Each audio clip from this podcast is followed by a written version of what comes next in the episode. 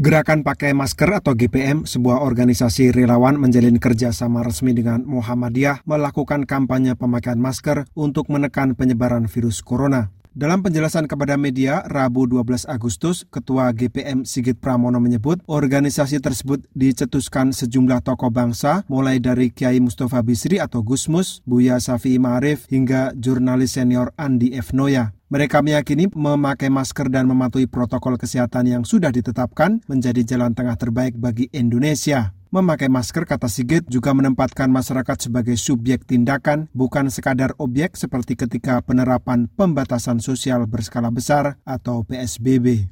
Memakai masker ini adalah pilihan satu-satunya, karena pilihan yang lainnya itu sangat tidak menguntungkan. Jadi misalnya kita melakukan PSBB lagi, itu akan membuat ekonomi akan memburuk, karena orang akan lebih banyak lagi tinggal di rumah.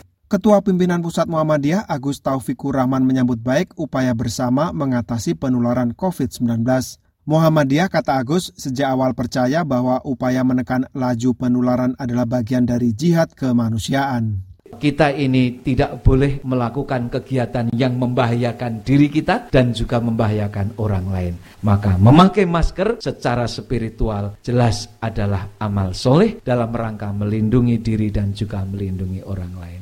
Presiden Jokowi dalam berbagai kesempatan menekankan perlunya masyarakat disiplin memakai masker. Presiden juga berulang kali menyampaikan kekesalan ketika mengungkapkan data terkait hal ini. Ketika meninjau posko penanganan COVID-19 di Bandung selasa 11 Agustus, Presiden menyebut ada provinsi di Indonesia yang diperkirakan 70 persen warganya tidak memakai masker. Antropolog dari Universitas Hasanuddin Makassar, Sulawesi Selatan, Tasrifin Tahara melihat ada jarak sosial dan budaya yang tidak terkait dalam promosi protokol kesehatan ini. Masyarakat bawah merasa kaget ketika banyak bagian dari kehidupannya sehari-hari harus berubah. Tiba-tiba hadir sejumlah instrumen-instrumen atau peranata yang mengatur tata kehidupan di luar dari nilai-nilai budaya mereka yang selama ini. Protokol-protokol kesehatan yang dibangun itu bagi masyarakat merasa asing dalam kehidupan mereka. Nur Hadi melaporkan untuk VOA Washington.